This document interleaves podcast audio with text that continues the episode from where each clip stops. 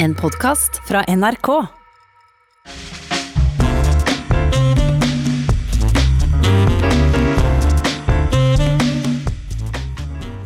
På vei, sang Lynni Trekrem, og det skulle passe bra når du er kommet i Studio 62, Linn Skåberg. Velkommen. Tusen takk. Nå må du ikke sette ut sånne falske rykter. Nå høres det ut som jeg var på vei. Ja, Så at jeg var sånn, gravid. Ja. Nei, eh, det har ikke jeg noe grunnlag for å, for å sette ut rykte om. Eh, Men du er jo vanskelig å presentere med en kort introduksjon, for du driver jo med et sånn, eh, hva skal jeg kalle det, assortert landhandleri av kultur og engasjement. Men i dag er det vel ikke først og fremst skuespilleren, men forfatteren Linn Skåberg som er, Skåberg som er her. Ja, det, det er en fin tittel å ha, det. Man uh, tar litt tid å venne seg til merkelapper og titler, men den liker jeg. Forfatter Linn Skåberg, hvordan lyder det? ja. uh, å, jo, det ja, Jeg vet ikke. Det, det er litt uvant, men øh, jeg syns at i hvert fall jeg er veldig stolt av det, og at det faktisk har skrevet bøker nå, da. Så det er Da er man jo forfatter. Sist du var her i Studio 62, så snakka vi om boka di med tittelen 'Til ungdommen'. Ja. Og nå har du altså gitt ut boka 'Til de voksne'. Helt riktig. Det har vært eh, en veldig spennende prosess. Denne gangen har jeg ikke intervjua noe særlig. Eh, Jeg har på en måte, som jeg beskriver i forordet, forestilt meg at jeg står på en mange millioner meter stige opp fra landet vårt. Og kan stupe inn i hvilken som helst leilighet og hvilken som helst kjeller og hvilket som helst hue og hjerte og plukke tilfeldige steder i voksenlivet, da. Ja, du vil pirke borti voksenheten, skriver du. Hva, hva legger du i det? Jeg legger i det at det voksen på en måte har blitt et bare sånt begrep som man som ligger så naturlig for oss å si, men det er ganske vanskelig, egentlig, for det inneholder så mye. Det inneholder jo egentlig en barndom og en ungdomstid og en voksenhet og alt dette her, og av og til føler kanskje, i hvert fall som jeg sjøl, jeg tar meg sjøl liksom i å spille litt voksen, da. Spille ordentlig, spille den som folk kan spørre om ting, mens jeg egentlig føler meg veldig hjelpeløs. Jeg er eksempel veldig hjelpeløs på flyplasser, syns jeg er veldig flaut. Jeg føler at jeg alltid er redd på flyplasser for ikke å rekke fly, ikke å skjønne automaten, ikke få på lappen. For man har lyst til å være sånn dreven reisende, og det er jeg egentlig ikke. Men hvor tror du vil du plassere den redselen i, i barndom, ungdom, Ja. voksenhet eller alderdom? Ja, nei, det, det er vel Det vi alle er redd for, er vel eh, det siste etappen. Men eh, den eh, går man jo og tenker på hele livet, antageligvis. Hvis man funderer litt over livet og over døden. Men, men dette med voksen er også den der lille vippen hvor du faktisk blir voksen. For du, voksen er jo plutselig bare det å kunne stå i både gode og vonde ting og tåle det, da. Og i den alderen som jeg er nå, så er det jo mye å miste. Altså av eh, folk som er eldre enn oss og eh, ja, kan føle seg litt aleine i det. Så kanskje det er greit å høre at andre også har det sånn. Har du et eh, sjølbilde som voksen? Jeg vet, jeg har, har jo begynt å få det, for nå er jeg liksom en sønn på 18 og sånne ting. Men jeg får sånn sjokk av det hele tiden, av hvor voksen jeg har blitt. Det må jeg si. For eh, det var som moren min sa da hun like før hun døde, og hun var jo ja, hun var ikke så gammel, da, men i 72, da, og hun sa som at jeg kjenner ikke en menneske i speilet. Ikke sant? Så alle, Vi har jo alle disse tidene i oss og husker seg knærne fra barndommen og eh, hendene fra ungdomstida. Man kan sitte og se på seg sjøl og tenke hva hva skjedde her egentlig? Ja, men eh, kan du liksom ha et sånn definerende øyeblikk der du tenkte at eh, oi, nå er jeg eh, voksen? Ja. Hva var det? Uh, ja, for min del så husker jeg at det kan kanskje eksempel dreie seg om å miste et fly og tåle det. Ja. Det er et eller annet med disse fly og flyplasser, skjønner Ja, det er det, men en annen ting kan være at uh, jeg føler meg ganske voksen hvis jeg har lyst til å legge meg på sofaen klokka to. Fordi det kan jeg gjøre. Og det er på en måte egentlig bare stemmer med egentlig det jeg har tenkt fra jeg var liten, at man kan liksom ta og bestemme over sitt eget liv. da. Og nå har man kanskje på en måte mer rett til det, eller føler man det? Jeg vet ikke. Jeg er i hvert fall, jeg har lyst til å bli voksen på den måten at Eh, Jeg jeg har ikke lyst til liksom å lande i en god lenestol. Det har jeg faktisk ikke. Jeg håper og tror at uh, jeg kan bevare liksom nysgjerrigheten, da, som har på en måte vært bærekraften min uh, gjennom hele livet. Den, den håper jeg f- får føre meg videre inn i voksen, voksenlivet. I boka til ungdommen Mm. så var jo du på en måte gjest i unges eh, liv. Eh, Du eh, banka på døra og ble bedt inn. Kanskje gikk du inn ubuden av og til. Ja. Men nå skriver du om ei voksentid som er de eiga. Ja, stor forskjell, det. Føler meg veldig sånn hjemme her, eh, om dem jeg skriver om og de jeg er sammen med. Det tenkte jeg på en gang faktisk når noen eh, spurte meg som om jeg var redd for å bli gammel, og det er man de fleste av oss, da. Og, men jeg trøsta meg egentlig mest, det som trøsta meg mest, var at jeg liker innmari godt den gjengen jeg blir gammel sammen med. Og det er jo denne gjengen som jeg nå har plukka ut, og ja, på en måte som blir et hjem, da. I større grad enn en gjesteopptreden. Så jeg føler meg veldig hjemme blant disse historiene i boka og, og med de folka som lever rundt meg på samme alder. Ja, jeg gjør det. Stemmer, liksom. Ja, fordi at eh, det er jo sånn her i livet at en blir ikke nødvendigvis vært verken voksen eller gammel mutters alene. Nei, det er det. Det skjer jo noe med andre eller oss sjøl. Ja, men nå skjønner jeg plutselig også det som gamle damer ofte sier sånn Jeg møtte hun eh, ungdomsskolevenninna mi på, på senter i dag, og hun så så godt ut, og det gledet meg så mye, kan de si.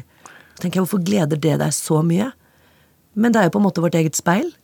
Vi er glad når noen liksom eh, ligner på oss sjøl og skal leve lenge i landet, da, på en måte. Trøster oss litt med hverandre, kanskje. Speilbildene våre. Det virker jo som, eh, som eh, mye av drivkraften din er, er nysgjerrighet. da. Ja, Din òg, tror jeg. Det kan godt være, men det krever jo for så vidt et opesinn å dra nytte av den nysgjerrigheten. Ja, det er helt riktig. Eh, og det, det må man utfordre seg selv på. For du kan jo være så nysgjerrig du bare vil, men du må jo ta skrittet ut der og, og forske litt på ting. Da Jeg har forresten gjort det nå. da, gjorde det forrige helg. Gjorde noe jeg har drømt om siden jeg var liten, og utfordra meg sjøl på. Men jeg dro på ridetur. Så det var liksom 50-årsprosjektet mitt. Og det skal jeg gjøre til neste helg òg, tror jeg. Du ble hekta? Ja, jeg var ordentlig hekta. Ja. Så det gjelder å utfordre seg sjøl og gjøre ting du ikke kan. Jeg pleier å si at man kan øve seg på å gjøre en ting hver dag som man er litt redd for. Det er en ganske god øvelse som jeg driver med. Denne samtalen er det mange gode grunner til å holde fram med Linn Skåbe. Ja, du sitter fremdeles i studio, eh, Linn Skåber. eh, Og du nevnte eh, før, før vi, vi hørte Eddie Cochran, så, så nevnte du at hver dag så burde en gjøre noe som en var redd for. Hva, hva har du gjort i dag? Oi, hva har jeg gjort i dag som jeg har vært redd for? Jeg skal gjøre noe etterpå som jeg er kjemperedd for. Ja vel? Jeg skal ta mammografi for første gang. Ja vel. Det er, det er også en del av voksenlivet. Det er jo det! Så jeg måtte nesten nevne det. Nei, jeg skal være med på sånn, eller hva heter det, sånn slags eh, opplegg, da, som det er et slags sånn forskningsprosjekt. da. Så det gruer jeg meg til. Men det bør man ikke gjøre hver dag. Men det, det, det som eh, man kan gjøre som jeg gjør, eksempel, kan jo bare nærme seg et annet menneske. det, Som du egentlig ikke skulle snakka med. Det kan være en utfordring stor nok i seg sjøl. Men jeg tror nok det kan få en til å føle seg litt levende og være litt redd av og til. ja. I boka di til de voksne så har du en form for eh, figur eh, som du kaller for eh, alderdom. Ja. Og hvem er det? Ja, hvem er det? Ja, dette har jeg beskrevet som en som går på, i Oslo på nattestid og går med alderdommen trippende mot seg, mens ungdomstida som to personer, hun vil på nachspiel på Etterstad. Og så dette her eh, konflikten i deg. Hvor skal du dra, og hvem skal du være? Og alderdommen vil jo liksom på en måte være den skumleste, fordi du kjenner den jo ikke. Kjenner liksom barndommen, og du kjenner ungdomstida, men alderdommen har du ikke blitt kjent med ennå. Så det er en kamp gjennom denne natta i Oslos gater da, for å bli kvitt den alderdommen som går og maser om brodder og Men hvis jeg ikke husker helt feil, så, så uh, misforstår jo du denne alderdommen, fordi at uh, denne alderdomsfiguren vil jo egentlig på kafé og drikke vin. Ja, det er akkurat det. Men så er det hun i midten finner ut at eh, det er egentlig hun som har vært masete og er redd for den alderdommen og egentlig ville bevise for seg selv at hun kan rekke bussen hvis hun bare løper litt. Og kanskje ikke klarer det. Så den har jeg på en måte speila på den måten. Mm. Jeg har hørt deg si at eh, barnslige 80-åringer er det gøyeste jeg vet. Ja, det er det faktisk. Det har jeg stor glede av, og jeg har gudskjelov ganske mange av dem rundt meg. Eh, Det skjedde ganske tidlig med meg at jeg ble veldig fascinert av folk oppe i alderen der, for jeg En av mine si, første gamle bestevenner var jo Sossen Krogh. Så at jeg var på turné med henne og sånn. Og det fantes ikke noe gøyalere og barnsligere enn henne. Og jeg hadde mange 20-åringer på andre sida av venner som var mye eldre enn henne. I huet. Så det gleder meg stort at å ha venner på tvers av generasjoner. Det, det er noe av det Selv om det er jeg som lever med gjengen min, så syns jeg at eh, det gøyeste er å høre om hva de unge tenker, og høre om hva de aller eldste tenker. Du kunne jo vel ikke funnet noe mindre A4 Elsorsen Krogh? Nei, kanskje ikke. Men det som var så gøy med henne, var at hun på en måte var så levende og samtidig så frekk, men også så snill. Jeg husker hun alltid gikk med kort med bilder av seg selv i veska fra Hotell Cæsar, for hun var så lei seg hvis det var noen barn som kom bort og ville autografen hun ikke hadde, for eksempel. Det er flott. Ja. Det har jo litt med hvordan en tar eh, ting, og du har fortalt at faren din aldri sa at glasset var halvtomt. Nei.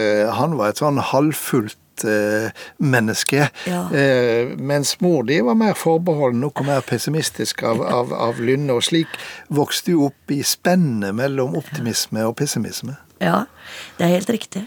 Så jeg har nok den skarpheten og de betraktningene eller i hvert fall som jeg liksom tenker på av og til når jeg ligner på henne, er jo det.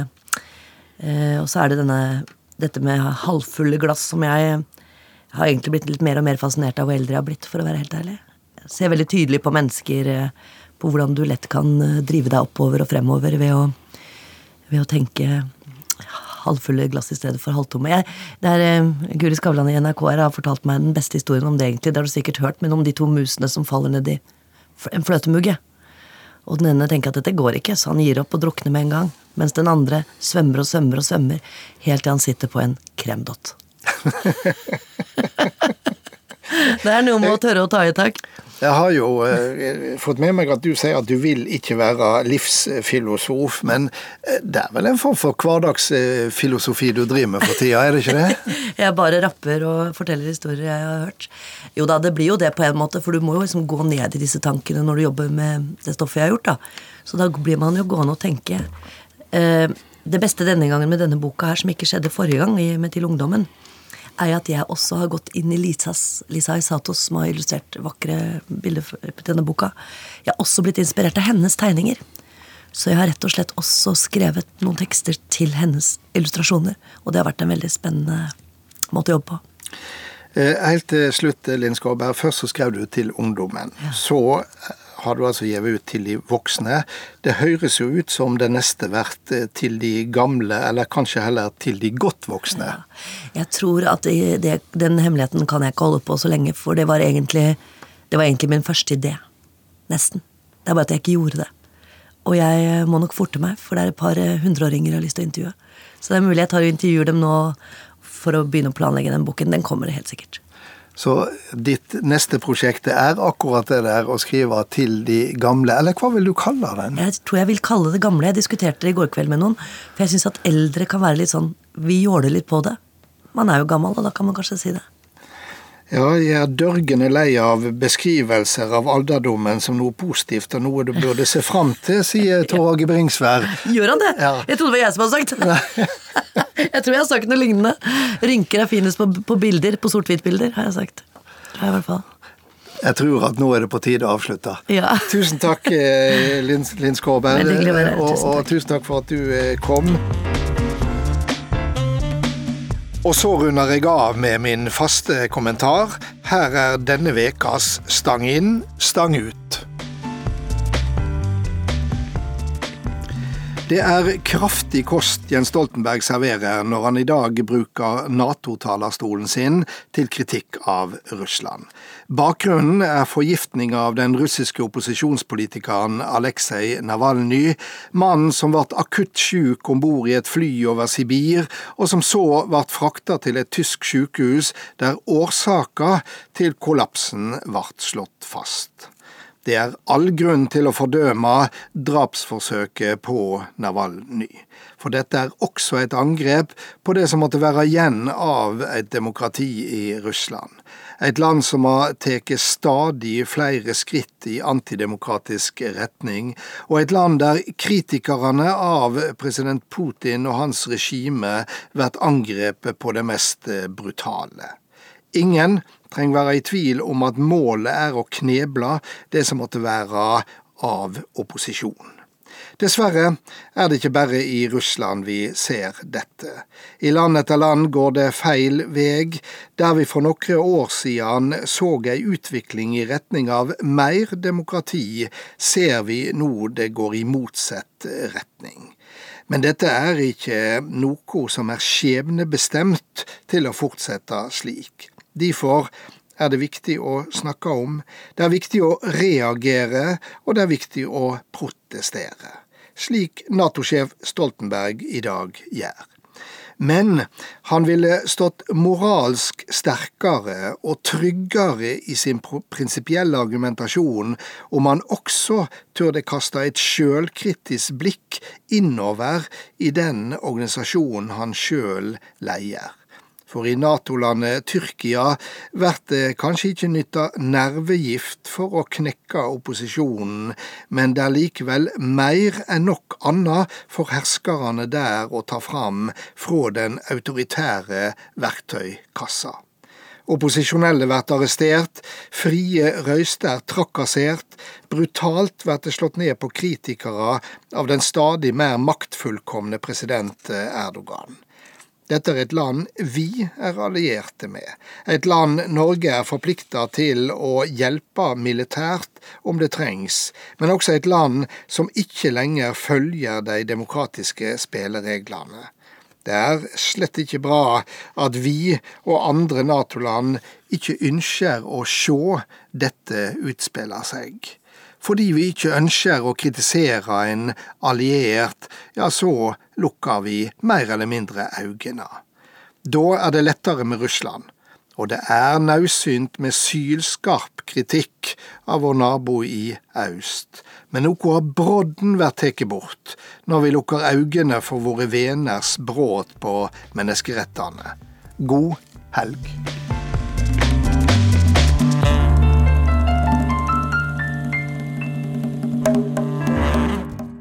Du har hørt en podkast fra NRK. Hør flere podkaster og din NRK-kanal i appen NRK Radio.